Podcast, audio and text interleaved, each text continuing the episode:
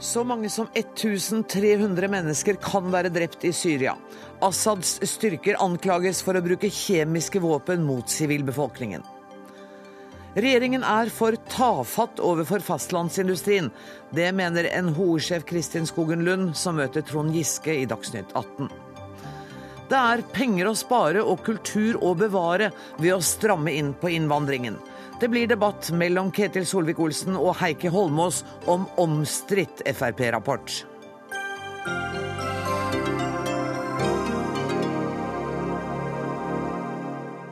Dette er noen av sakene i Dagsnytt 18, der vi i dag også får besøk av forfatteren Per Olov Enquist, som har skrevet sin andre kjærlighetsroman. Men først. Syriske aktivister anklager Assads styrker for et omfattende angrep med kjemiske våpen øst i Damaskus.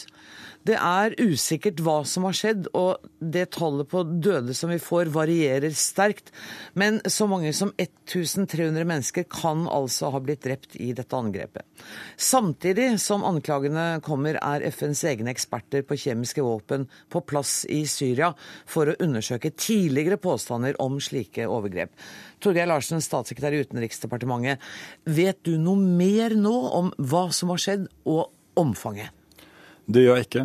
Eh, vi, som alle andre, ser bildene som kommer inn fra, fra Damaskus, som er forferdelige å se på.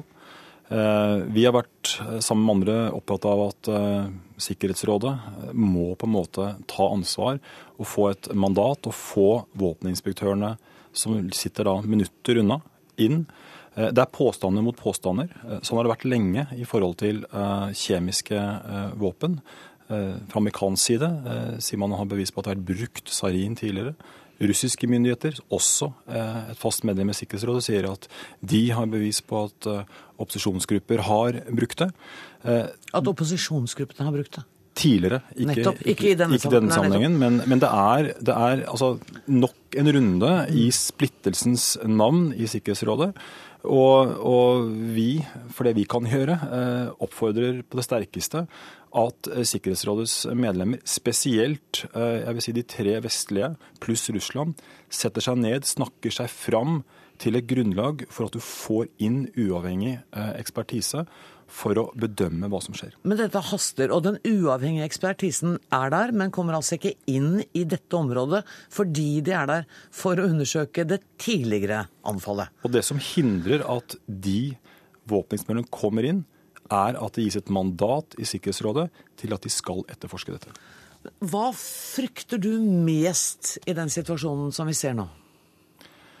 Det er vanskelig å, å vite hvor man skal begynne. Ah, ja. eh, I forhold til eh, Altså, en, dette er en ny omdreining på en måte da i, som avdekker avmakten gjennom den splittelsen som er fundamental i, i Syria, i regionen og også i Sikkerhetsrådet. Men det er klart at eh, dersom du har hatt et eh, stort, massivt angrep eh, som med kjemiske våpen, så er det et kvalitativt nytt skritt. Men det er helt avgjørende at uavhengig ekspertise kommer inn, slik at internasjonalt samfunn har et grunnlag for å bedømme det som har skjedd. Men det kan altså du sitte og si, og mange andre sitte og mene i evigheter. Men Sikkerhetsrådet klarte altså ikke natt å bli enige.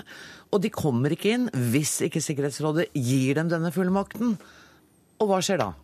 Nei, Da vil det ikke være uavhengig ekspertise som kan gi eh, en visshet i forhold til hva som eh, skjer. Eh, og det er påstander mot påstander. Eh, og vi kan alle ha våre teorier. Eh, men det avdekker på en måte noe av det, altså det fundamentalt dramatiske i Syria. Mm.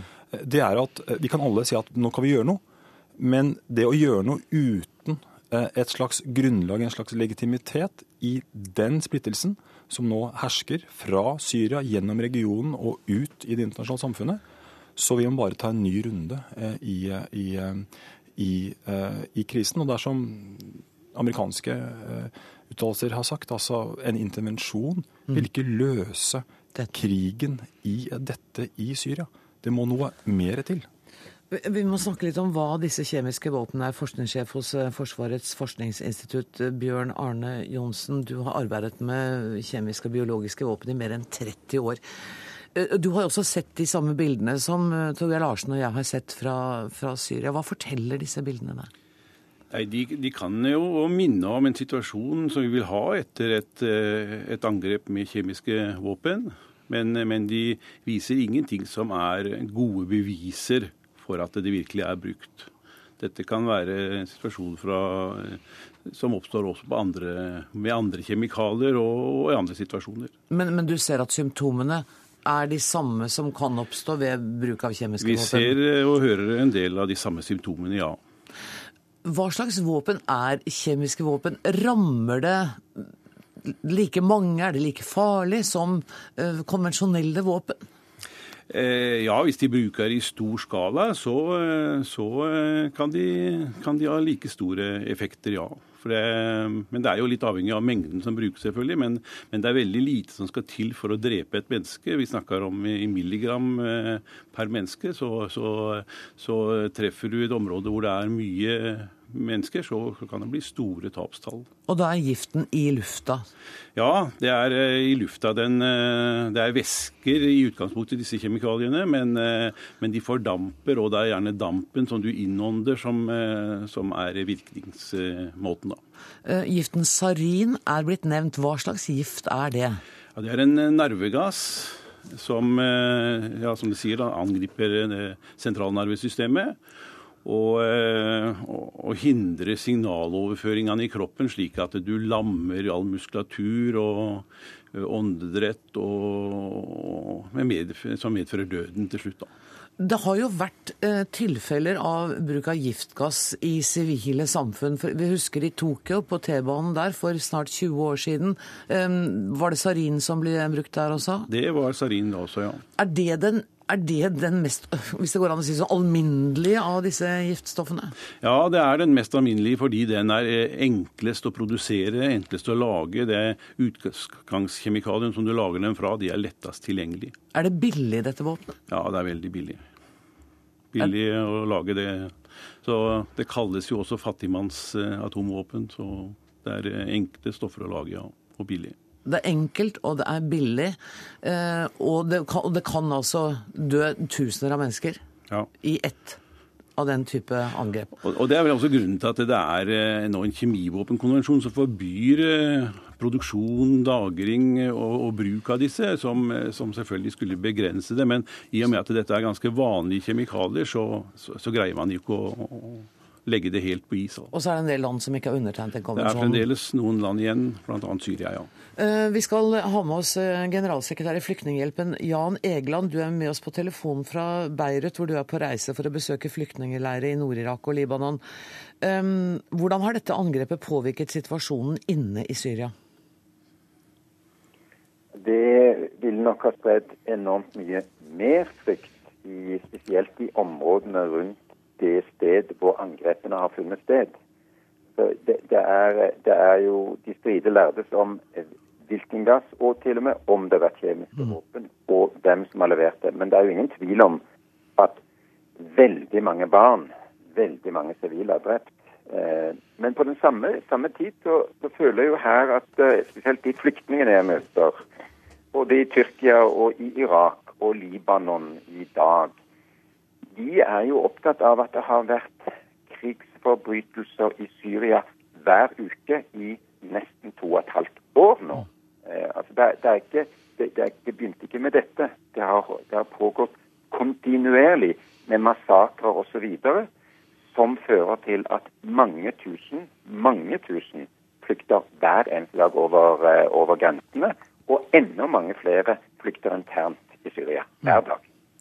Vi har eh, snakket om denne saken flere ganger, og i Dagsnytt 18 i går snakket vi om at libanesiske myndigheter nekter FN å opprette egne teltleirer for syrere nå. Hva, kan ikke du si litt mer om hva årsaken er til det? Ja, Nå hadde jeg møte med eh, flyktningministeren i dag, og han sa da at eh, er, de er på glid.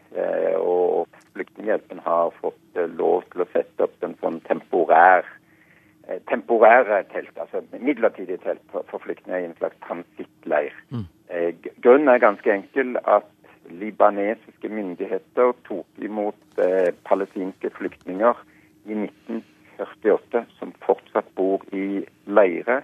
For øvrig har den nye palestinske flyktninger eh, i, kommet til disse leirene nå fra Syria, og man vil ikke lage nye store permanente flyktningleirer som de mener at de urettferdig må slite med til evig tid, mens resten av verden står og ser på. For de syriske flyktningene er jo realiteten at de må eh, slutte seg sammen i improviserte leirer hvor det er helt eh, forferdelige forhold, som vi kunne se i dag. Men altså våre hjelpearbeidere gjør en svær jobb med små midler eh, og i oppoverbakke hele tiden. Statssekretær, eh, hva kan Norge gjøre når du hører Egeland beskrive forferdelige forhold i leirene? Angsten som sprer seg i den syriske befolkningen, uvissheten om hva som skjer. Er det maktesløsheten som tar deg også, eller? Altså, jeg har selv eh, vært i, i mange av, eh, av flyktningleirene, både i Libanon og i Tyrkia og i Jordan og, og sånne steder. Eh, og det er klart at dette er jo, som Jan Egeland her sier, det er ikke noe nytt. Verken krigsforbrytelser, menneskerettighetsbrudd av alvor karakter og humanitær desperasjon. Det blir bare flere og flere. Og så vil jeg si at Et moment er at nabolandene har jo på mange måter tatt imot store masser med flyktninger og gjort en en innsats som det står stor respekt av, altså humanitær innsats. Eh, det går utover stabiliteten i mange av landene selv. Libanon er et, et eksempel. Eh, det er en av de altså, største flyktningkatastrofene siden annen verdenskrig. Eh, enorme behov. Vi fra norsk side har bidratt og bidrar mye.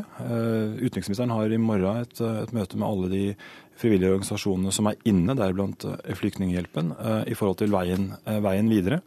Eh, men det er en enorm eh, belastning eh, som, som, vi fra norsk side er opptatt av å gjøre det vi kan humanitært. Men det er jo symptom. Ja.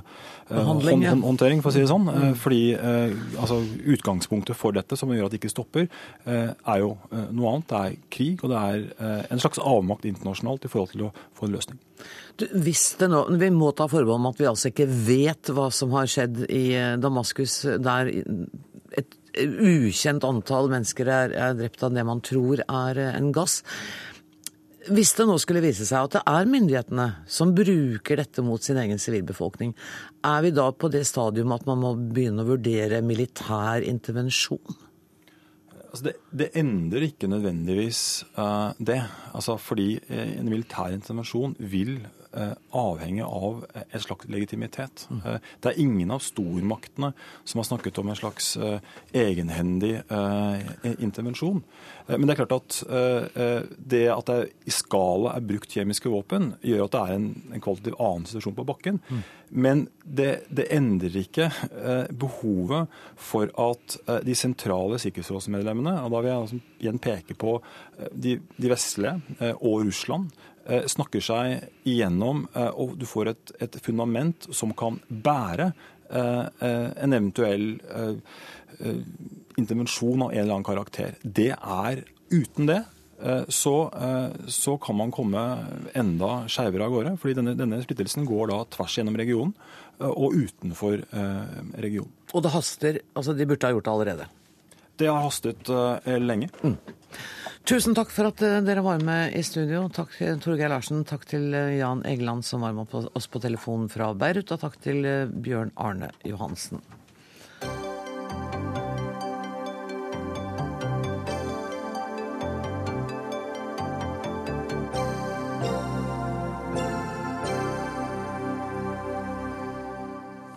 Regjeringen gjør for lite for å sikre fastlandsøkonomien, og Norge har blitt for avhengig av oljen.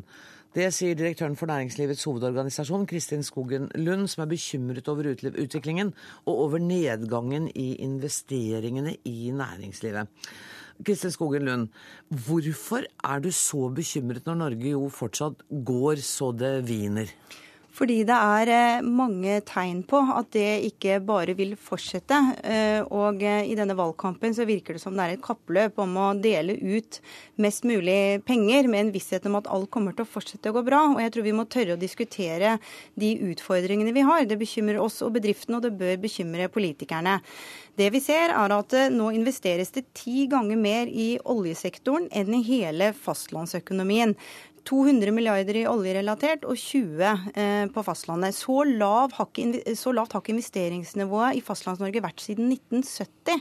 Det betyr at vi skaper ikke nytt som vi kan leve av i fremtiden.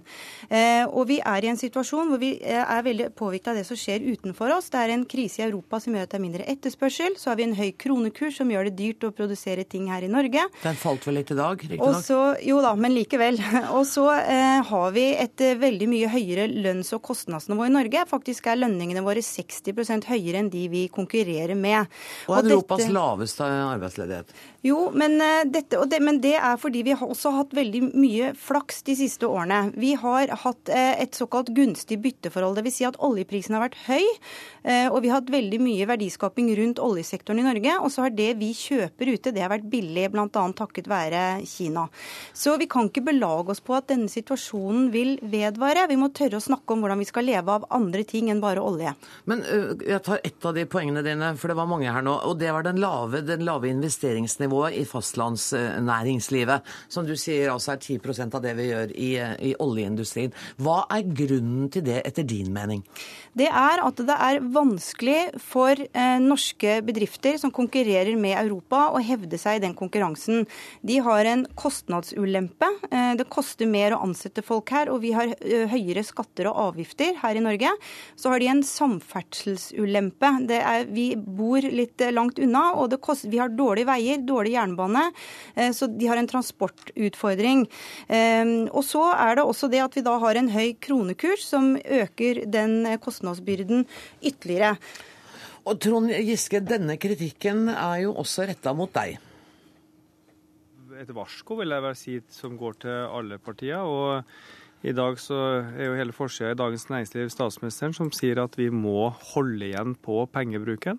Rett og slett for å sikre at vi har en lav rente, en gunstig valutakurs mot andre land, og ikke får en kostnadsvekst i Norge. Så det er få som eh, roper ut eller går i eh, demonstrasjonstog for den omtalte handlingsregelen, men det er jo den da som sørger for at vi ikke bruker mer penger enn det konkurranseutsatt eh, næringsliv eh, tåler. Det er rett og slett arbeidsplassene langs etter hele kysten og på Innlandet som kommer til å betale hvis vi f.eks. både skal gi store skattekutt og pøse på mer penger i statsbudsjettet på utgiftssida samtidig. Men, men, hvis det er riktig, og jeg ingen grunn til å tvile på, på Kristin Skogen Lund tall om at det er 20 milliarder eh, som investeres i Fastlands-Norge mot 200 milliarder i oljen, og aldri vært så lavt siden 1970. Sier ikke det noe også om næringspolitikken, at den har vært for lite fremtidsretta? Mm, altså da, da krisa traff eh, Europa i 2008-2009 Eh, så ble det jo bråstopp i, i, i hele eh, verden, egentlig, og veldig mye i Europa. Eh, mange land har jo opplevd, opplevd, en kraftig tilbakegang i industriproduksjon. I Europa er det nå 27 millioner arbeidsløse mennesker. Bare i Sverige er det eh, en fjerdedel av ungdommene som er arbeidsløse. Da sa vi at vi har som ambisjon å komme gjennom dette med Europas laveste arbeidsløshet. Det har vi klart. Ikke bare har vi klart det, men vi har flere industriarbeidsplasser i Norge i dag enn i 2005, og vi har 350 000 flere jobber. Så det går veldig godt også i norsk næringsliv. Men det er helt riktig som Skogen Lund sier, det er ikke selvfølgelig at det fortsetter. Eh, og jeg er enig, vi må gjennomføre Eh, historiens mest ambisiøse nasjonale transportplan, investere i veier og jernbane. Men da må vi f.eks. være enige både om hva vi bygger og hvordan vi finansierer det. Vi må sørge for å sette ned bedriftsbeskatninga. Det skal vi gjøre allerede i 2014. Redusere overskuddsskatten, øke avskrivninga, satse på SkatteFUNN, legge til rette for innovasjon og nyskaping. Så det går utrolig godt i Norge, men det er ikke selvfølgelig at det fortsetter sånn. Beroliget nå, Skogen Lund? Altså jeg, jeg, vet jo at uh, Trond Giske forstår disse tingene veldig godt, heldigvis. Men dessverre, i en uh, valgkamp så blir det for mye uh, hva skal jeg si, man, Det blir for mange populistiske poenger. For en del av disse tingene her er, er jo litt kompliserte sammenhenger som ikke alltid gjør seg så godt i debatter og andre ting. Men jeg må få si at når regjeringen skryter at de har skapt 350 000 arbeidsplasser, så det er, jo, det er jo ikke politikere som har skapt det, verken rød eller blå. Det er det jo næringslivet som gjør. Og så er det dette med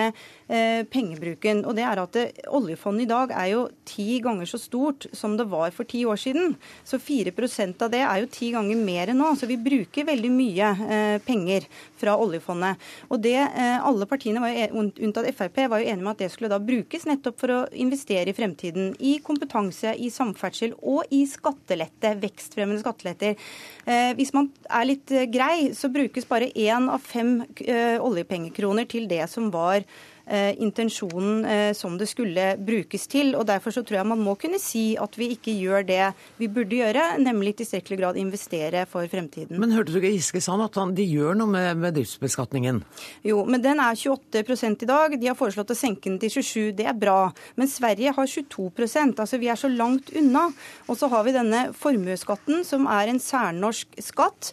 Eh, eh, formuesstraffen, som noen liker å kalle den, som også er svært uheldig. og jeg må si jeg ble veldig skuffet, eh, Trond Giske, det har jeg sagt til deg personlig òg, da du gikk så hardt ut mot Alf Bjørseth da han kritiserte den.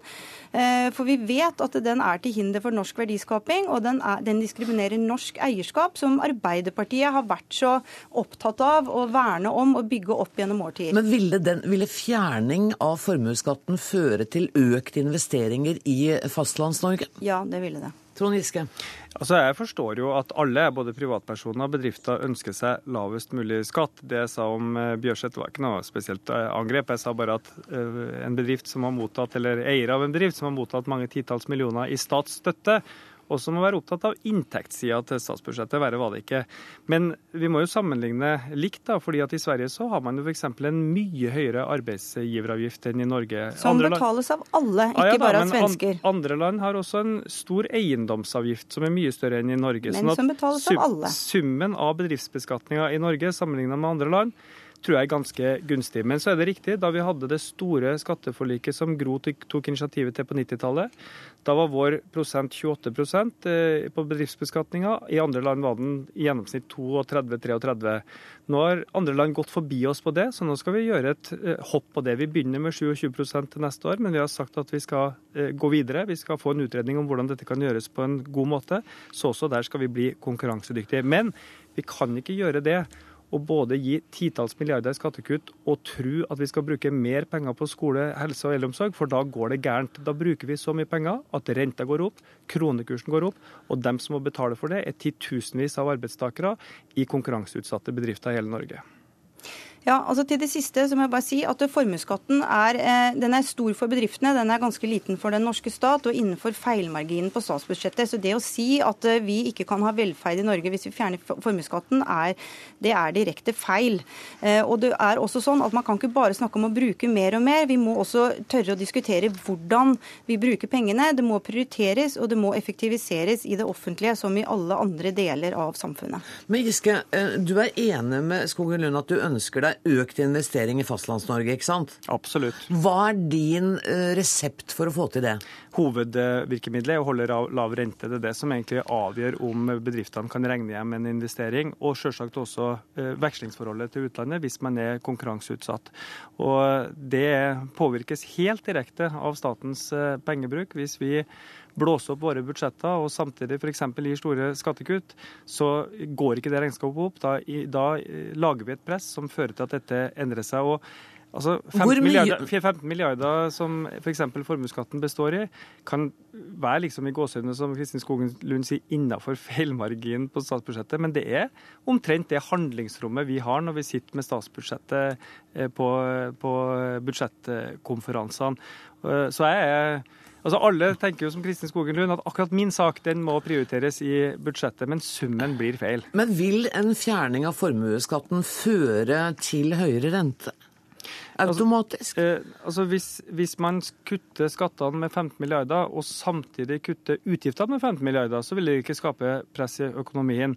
Men når man hører på Høyre og Frp, som da skal ha et sted mellom 25 og 100 milliarder skattekutt, så pekes det jo ikke på 25-100 milliarder i utgiftskutt. Mm. Hadde det vært eh, tilfellet, så hadde det vært dramatisk for velferden. Men hvis det ikke er tilfellet, så er det dramatisk for arbeidsplassene. Nå har jeg ikke Høyre og Frp, men jeg har eh, NHO her. Du får et kort svar, Kristin Skoglund. Ja, men nå er det sånn at de pengene forsvinner ikke. For de pengene ville eh, blitt brukt til å skape ytterligere verdiskaping med store ringvirkninger. For hver krone som en mann som Alf Bjørseth tjener, så er det andre som tjener fem, seks, syv kroner på det. Eh, så det er ikke riktig at disse pengene forsvinner. Og så syns jeg at eh, politikerne skal gjøre det de vet er riktig, og det som landet trenger for å fortsette å ha en sunn økonomi. Det er det de bør være opptatt av, og valgkampen bør handle om. Det rådet har nå Trond Giske fått. Tusen takk til dere begge to, Kristin Skogen Lund og Trond Giske.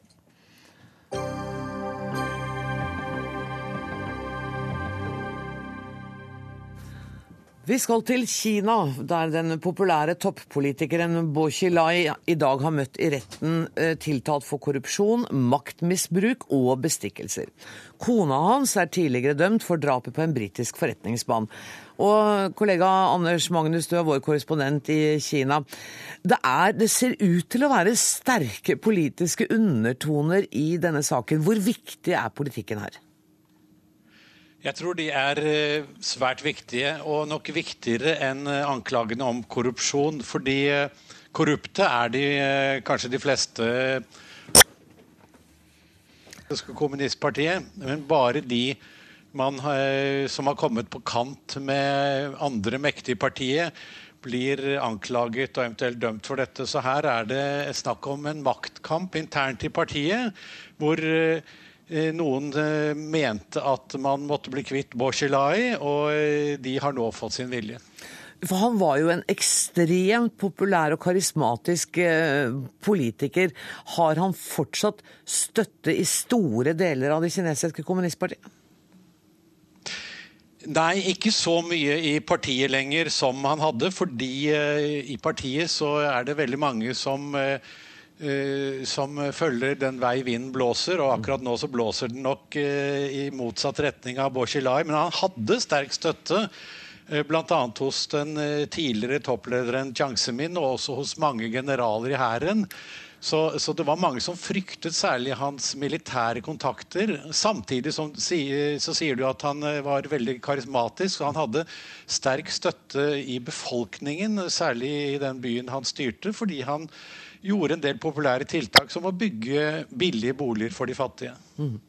Rettssaken skal vare i hvert fall i to dager, har kinesiske myndigheter sagt. Og utenlandske medier sier at det er helt opplagt at han kommer til å bli funnet skyldig. Er han skyldig, tror du? Ja, eh, det er vel få som tviler på at han er skyldig i korrupsjon og bestikkelser. Det, slike saker tror jeg man kan finne på svært mange toppledere i kommunistpartiet. Mm. Men om han er skyldig i maktmisbruk, er vel kanskje det, det, mest avgjørende her. Han er jo anklaget for å ha dekket over drapet som kona utførte på en britisk forretningsmann, og som hun også er dømt til livsvarig fengsel for. Og det, Den anklagen kommer nok opp i, i morgen. Er det mye oppmerksomhet rundt denne saken i hovedstaden, altså i Beijing?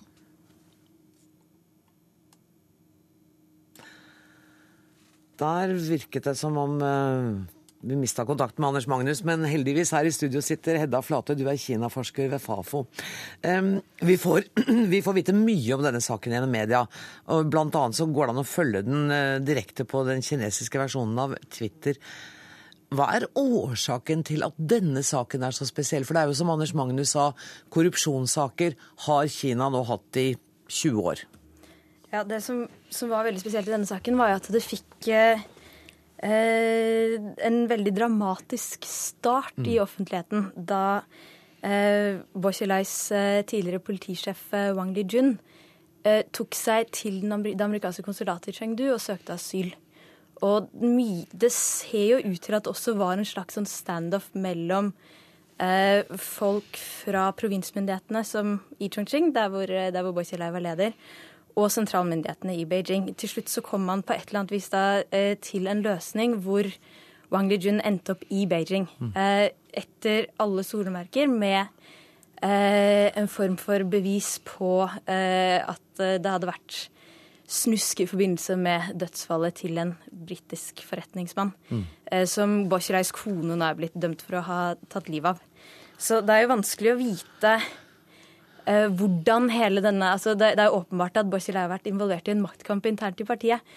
Men det er veldig vanskelig å vite hva utfallet ville blitt hvis det ikke hadde vært for det at det fikk jo hele verdens oppmerksomhet fordi at man trakk inn eh, amerikanerne, og det var snakk om en britisk statsborger, så britene var involvert. Og man fikk hele verdens eh, medieoppmerksomhet rundt det. Det er jo en helt utrolig historie, for han var jo en virkelig toppolitiker. Han var i ferd med å få eh, et av setene i eh, politbyråets faste Eller det var snakk om det, kanskje, i den faste komiteen.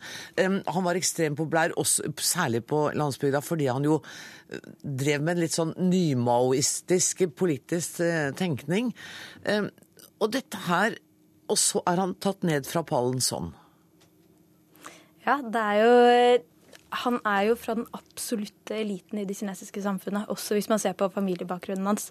Faren hans var en av de åtte hva er det de kaller det, The Eight Immortals mm. uh, i, i uh, de tidligere administrasjonene i Kina. Uh, I likhet med nåværende president Xi Jinping, som, som også har en sånn ekstremt privilegert bakgrunn. Så det er jo første gang man vel har fått se i full offentlighet at noen har falt så langt mm. i Kina. Eller i hvert fall at man har fått følge såpass mange av detaljene i hva som skjedde. Ja. Og da firmaet falt, fikk man kanskje ikke vite så, så mye. mye om hva som egentlig skjedde. Um, Anders Magnus, hvordan, vet du noe om hvordan forholdet har vært mellom Bo Xilai og Xi Jinping, altså den som nå styrer uh, partiet i Kina?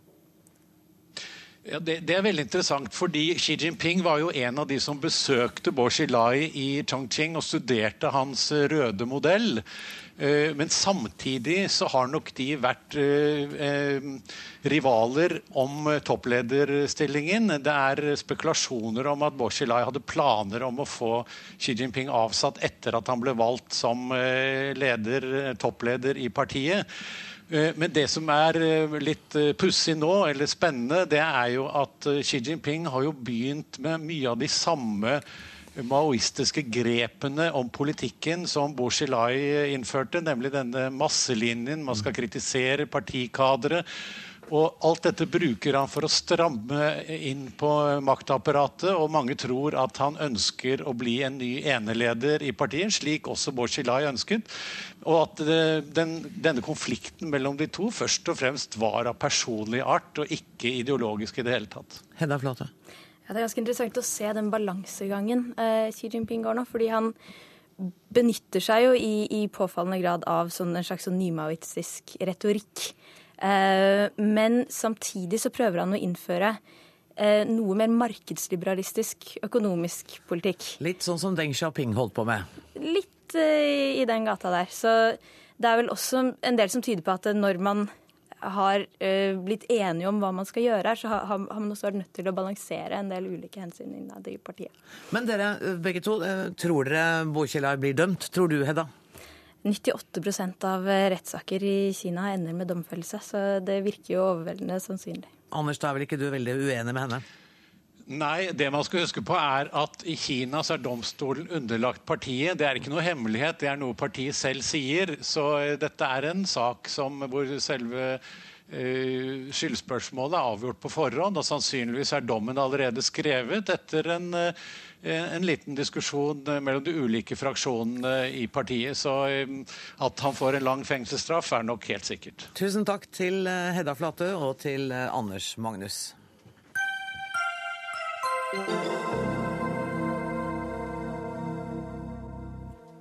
Nå skal det dreie seg om Fremskrittspartiets innvandringsrapport, som har skapt mye rabalder, tror jeg kan si, etter at den ble offentliggjort i Dagsrevyen i går.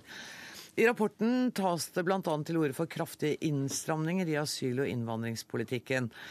Og Ketil Solvik-Olsen, det, det, har vært litt forvirring i dag om hva dette er, og om det er partiets program eller om det er partiets linje. Kan ikke du bare oppklare for meg hva slags rapport er dette nå? Partiets program holder jeg i hånda. Ja. Det er det vi forplikter oss over velgerne til å jobbe for ja. uh, hvis vi blir innvalgt.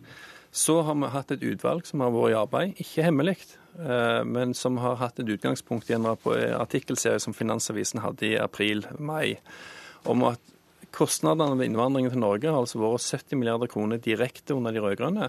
I tillegg, og det er det som er problemet, så pådrar vi oss en rekke forpliktelser med at vi har en sjenerøs velferdsstat der du raskt får rettigheter. Og som denne rapporten som SSB, fra SSB viser at bare under Stoltenberg så har vi pådratt oss forpliktelser, framtidige forpliktelser til dagens innvandrere på over 400, nei, nesten 400 milliarder kroner. Over hvor lang tid da?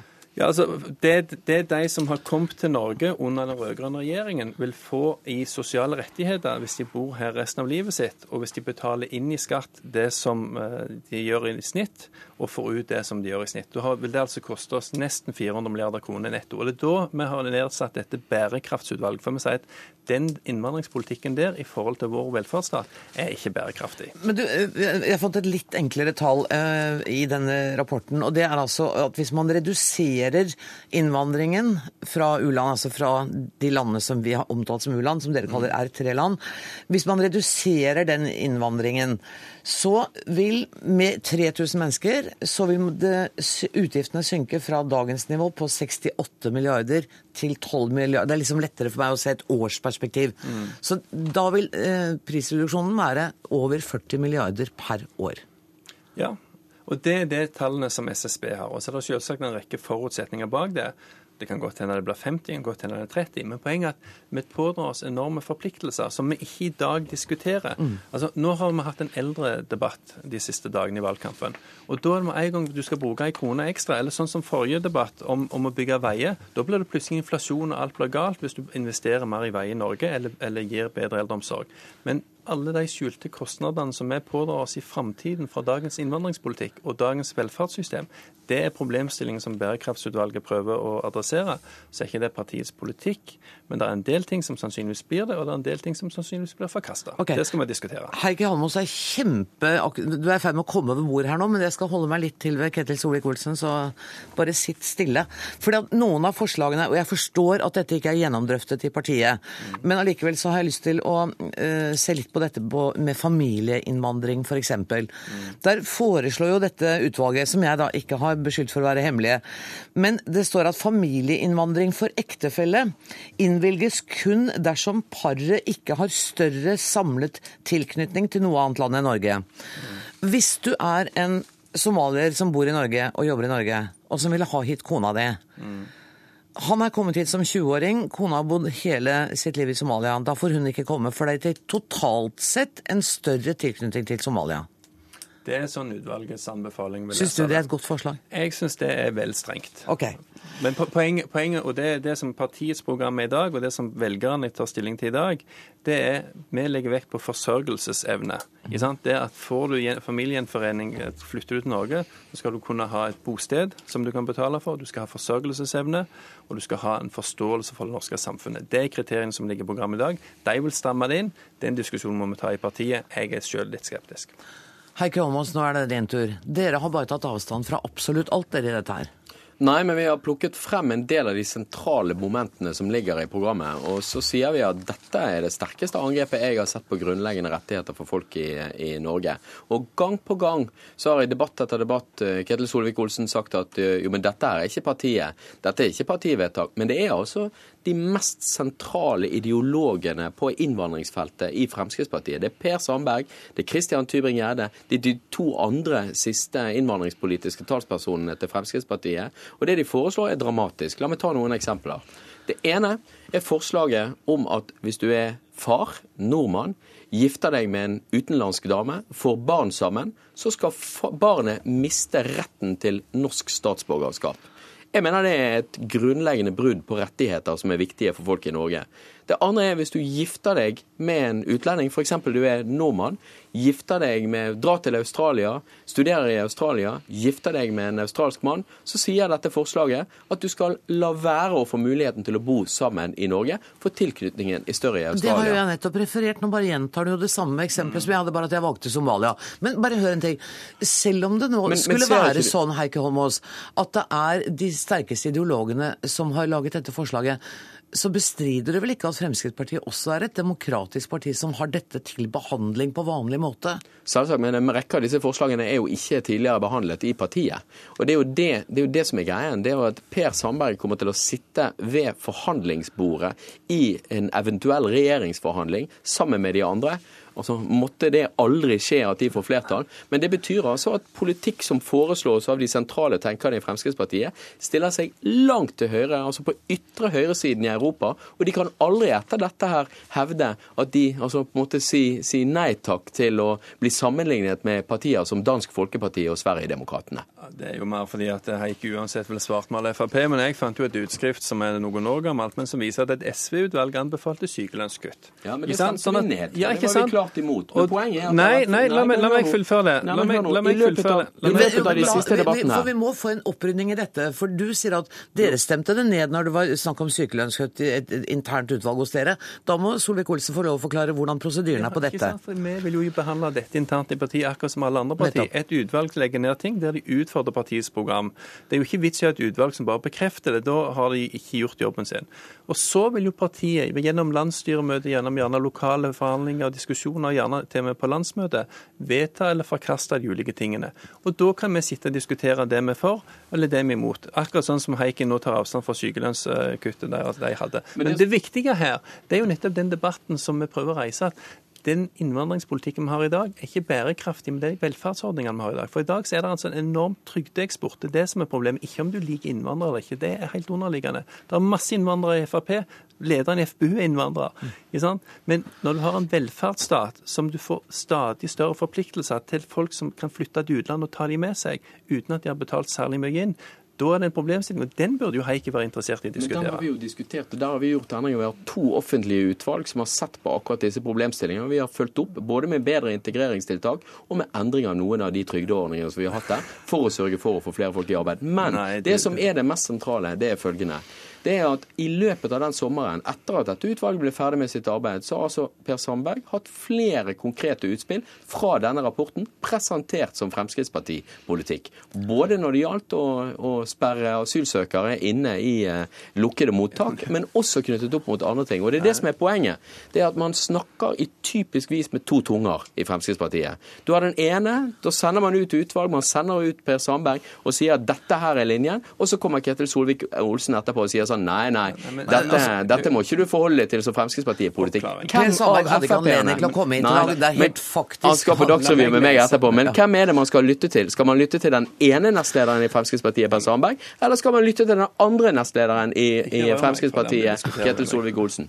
Jo, men penger, er nå, nå, Eksempelet du hadde Grunnen til at Per Sandberg hadde det utspillet, er jo fordi at det står i programmet. For å ivareta sikkerheten knyttet til asylsøkere bør det åpnes for bruk av lukkede asylmottak.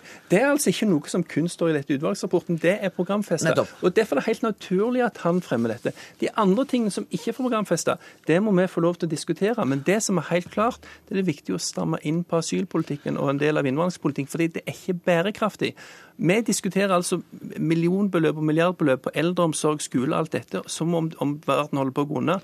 Men på innvandringspolitikken så pådrar vi forpliktelser på 30-40-50 milliarder kroner i året, og du er ikke særlig bekymra. Det bekymrer meg mest. Men vet du hva? Jeg er bekymret for hva slags samfunn vi har hvis vi skal trekke oss fra grunnleggende menneskerettigheter. Det skal vi ikke. Dere sier i dette programmet som ligger her, så sier dere at dere er villige til å både reforhandle flyktningkonvensjonen, for dere vil ikke behandle asylsøknadene til folk som kommer til Norge. Dere sier at dere ønsker å trekke dere, vurdere å trekke dere fra andre konvensjoner. Da snakker vi om torturkonvensjonen og Den europeiske menneskerettighetsdomstolen. For det er de konvensjonene man får opphold for, for som flyktning i Norge i dag. Og jeg mener, Men det er dette også er også interessant grunnleggende å øke verdier. flyktningkvoten. Altså fra Jo, men, de vil, men, de kutte, men de vil kutte den eksisterende behandlingen av flyktningkonvensjonen som FN er for, som andre europeiske land er for, og som vi har i Norge, og som jeg mener er grunnleggende i det norske Men samfunnet. Holmås, eh, du, eh, når, når, et lite, lite sekund, skulle gå tilbake til det pengene, for du vil liksom ikke snakke om at det er en trygdeeksport,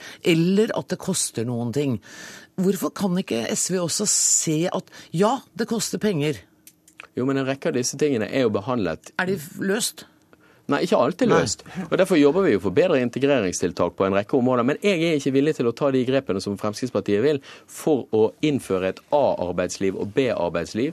Et av forslagene fra Fremskrittspartiet er bl.a. følgende. Enhver innvandrer som ikke er norsk statsborger, skal ikke være en del av folketrygden, men ha sin egen folketrygdkonto. Med andre ord.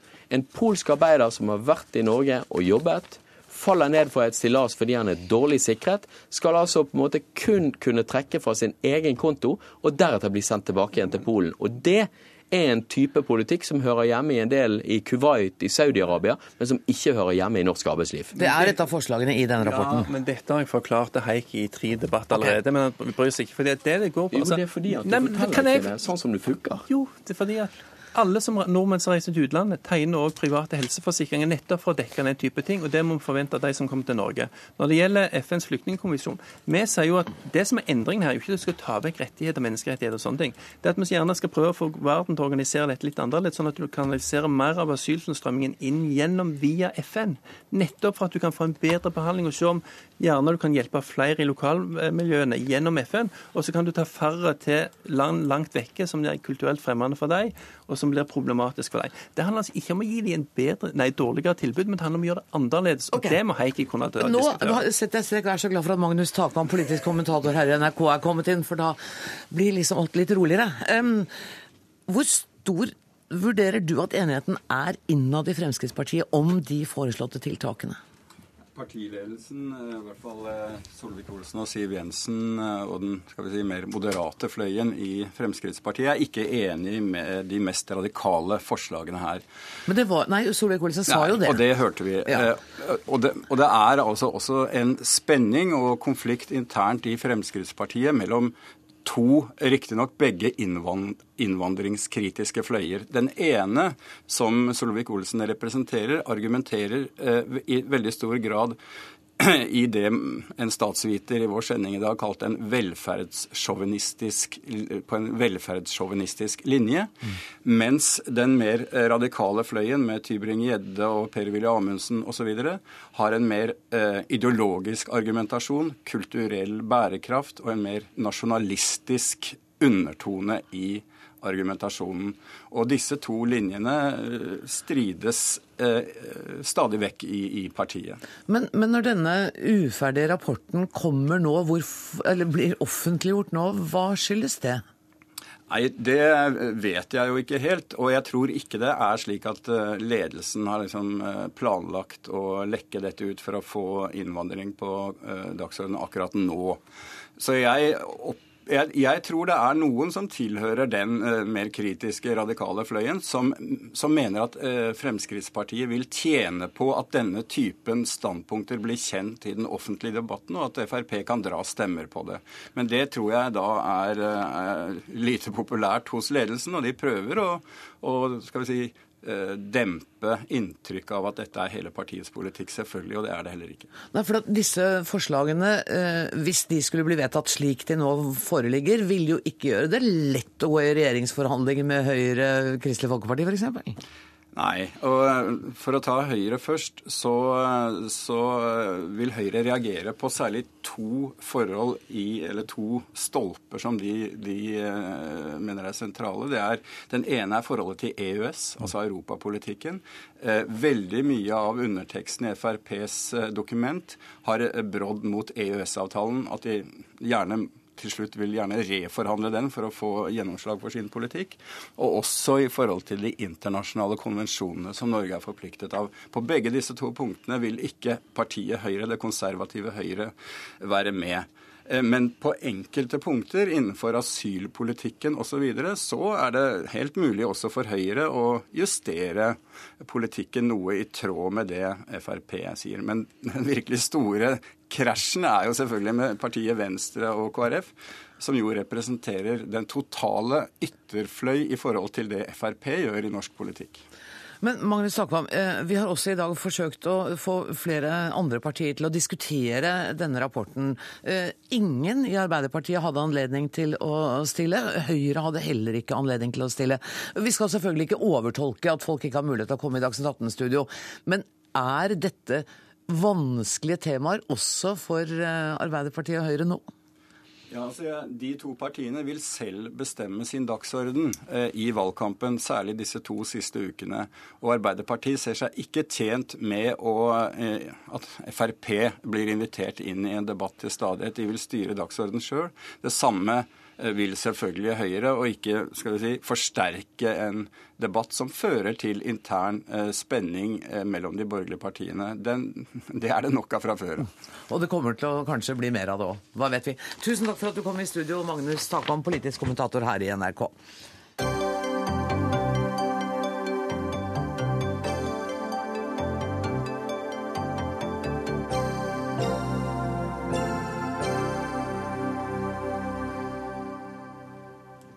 Ja, velkommen Per Olav Enquist. Velkommen Janniken Øverland. Tusen takk. Jeg må få lov å begynne med å si gratulerer med dagen til forlagsredaktør Jannike Løveland. Takk, takk. Eh, jeg skal snakke litt med deg eh, etter hvert, men jeg vil begynne med Per Olav Enquist. Mannen er beskrevet som Skandinavias viktigste nåværende forfatter. Han har, eh, etter et kort Google-søk i dag, så ser jeg at han har mottatt over 20 priser for sitt forfatterskap. Et forfatterskap som er omfattende, og sjangrene er mange. Men så vidt jeg kan se, er det bare én gang tidligere at du har skrevet en kjærlighetsroman, nemlig 'Styrtet engel', før altså nå lignelsesboken er kommet på norsk. Undertittelen er kjærlighetsroman, og skal jeg tro jeg-personen i romanen, så var det ikke noen lett bok.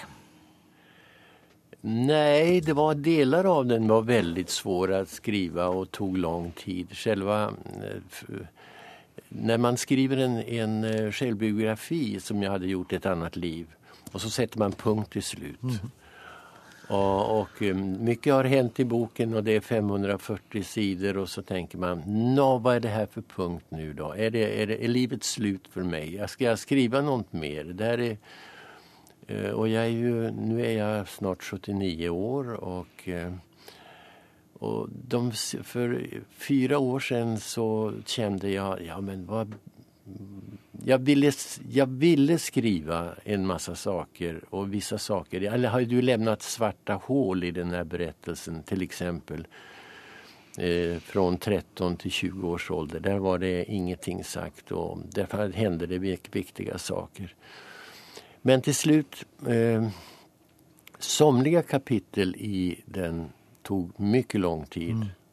Och jag skrev många kapitel som jag skar bort och eh, använde machetekniven till att för alltid passera i eh, korgen. Men eh, vissa andra kapitel, till exempel den första kapitlet som beskriver själva kärlekshistorien på det kvistfria furugolvet eh, det skrev jag på en och en halv dag och det är nästan 40 sidor så det gick fort. Och där har jag inte ändrat en kommatecken. Du er lei av spørsmålet om dette er en selvbiografisk roman, og du har svart at eh, det spørsmålet er så lei av, selvfølgelig er det det. Det er meg det handler om. Og det er, en, det er jo en utrolig vakker kjærlighetshistorie mellom den 15 år gamle gutten og den 50 år gamle kvinnen. 51 år. 51 år er hun. Ja. ja.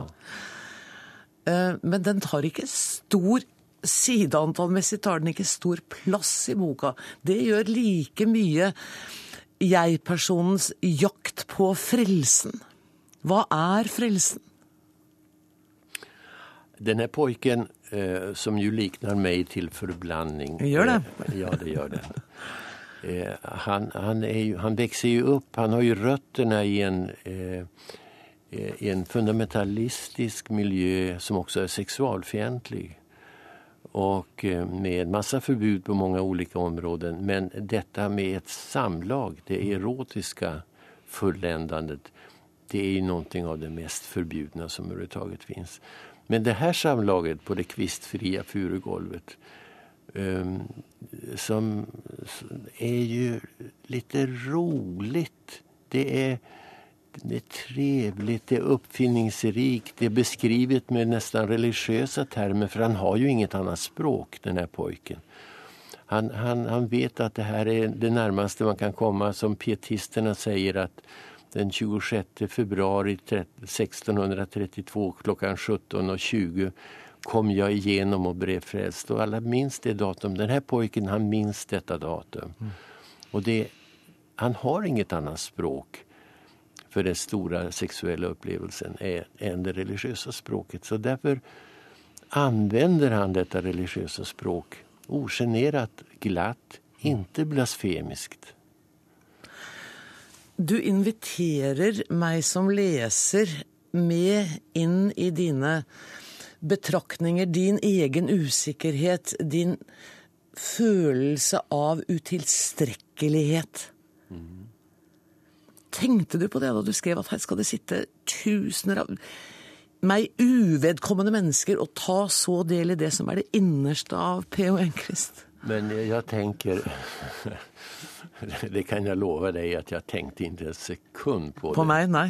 Nei, jeg tenkte ikke på deg heller. og, og jeg tenker aldri på en leser. Mm. Det, jeg tenker ikke når jeg skriver dramatikk, og jeg tenker ikke når jeg skriver romaner.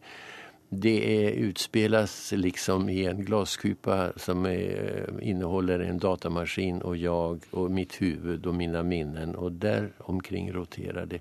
Og da behøver man ikke være redd. Dessutom använder jeg jo tredje person, det er en han. Mm. Og, og hva denne han gjør det liknar jo mine egne erfarenheter men de er tryggere, og jeg vågar være oppriktigere enn om jeg skriver jeg. Jeg tror at du innimellom tenker litt på Janniken. Janniken Øvland, du har vært hans norske redaktør i hvor mange år? Ja, 17, tenker jeg. I 17 år? Ja.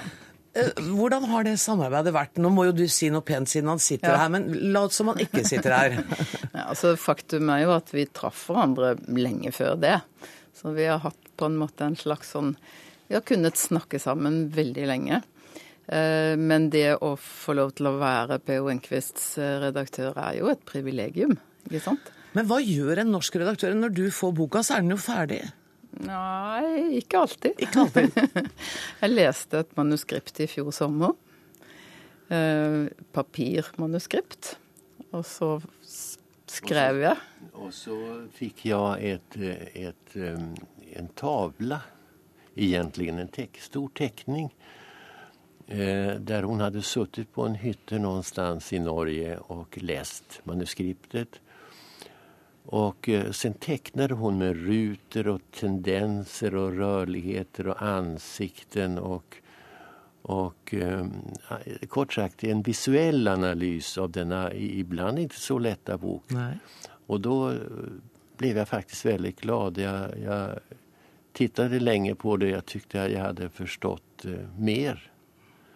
Jag hade, hon hade förstått mycket og jeg hadde forstått mer av det. Og framfor alt forsto jeg at hun var en bra forleggere. Han forsto det i fjor. Ja. Det jeg gjorde, var jo å ta telefonen min, for jeg var utenfor all kommunikasjon. ikke sant? Så jeg tok min telefon og tok et bilde av det arket jeg hadde skrevet. Og så sendte jeg det på 3G til hans uh, forlegger, og så fikk han det som papir. sånn går det for seg. Du, uh, jeg har sett, du er i ferd med å avslutte ditt uh, yrkesaktive liv som forlagsredaktør. Ja. Og jeg har sett i avisen at det er enkelte som er bekymret over hva som nå kommer til å skje med den utenlandske skjønnlitteraturen i Norge. Er du bekymra? Nei, det er jeg jo faktisk Nei, det kan du ikke, ikke si. Ikke sant? Jeg er jo ikke det. Eh, litteraturen fins der ute. og Det er mange flinke folk, og det er agenter og uh, literary scouts og speidere som bringer hjem de store navnene og de små navnene så man skal ta de riktige avgjørelsene. Det skal man jo. Det skal man jo, og, ja. og den kompetansen skal man også ha til f.eks. å plukke ut nobelprisvinnere. Er det ja. sju år du har gjort det? Nei, ni. Ni år, ja, nettopp. Ja. Mm -hmm. uh, og den kompetansen tar det tid å bygge opp. Ja, nå er det ikke meg som har funnet alle, ikke sant? men jeg har jo nå vært i Stockholm ni ganger. og sittet på gallamiddag ni ganger, ja. Fint. Kommer du til å savne det? Ikke egentlig. Nei. Men det du kommer til å savne, er kanskje samarbeidet med P.O. Enquist? Eller blir man venner? Er vi venner? Er dere venner, P.O.? Ja, det tykker jeg faktisk. Man blir venner med, med kontaktyter som er dels personlige, men dels rør svåre estetiske problem. Mm. Og uh, vi sitter jo i samme jury som deler ut uh, P.O. Enquist-priset mm. f.eks., og taler om mange andre forfatterskap. Mm. Så dere kommer til å treffes igjen. Jeg skulle ønske vi hadde hatt forferdelig mye mer tid sammen akkurat nå, men denne sendinga er slutt om 15 sekunder. Jeg må si tusen takk til Per Olof Enquist. Takk, takk til Janniken Øverland. Eh, og så skal jeg nevne at ansvarlig for dagens sending var Dag Dørum. Det tekniske ansvaret har Finn Lie. Jeg heter Anne Grosvold. Takk for nå.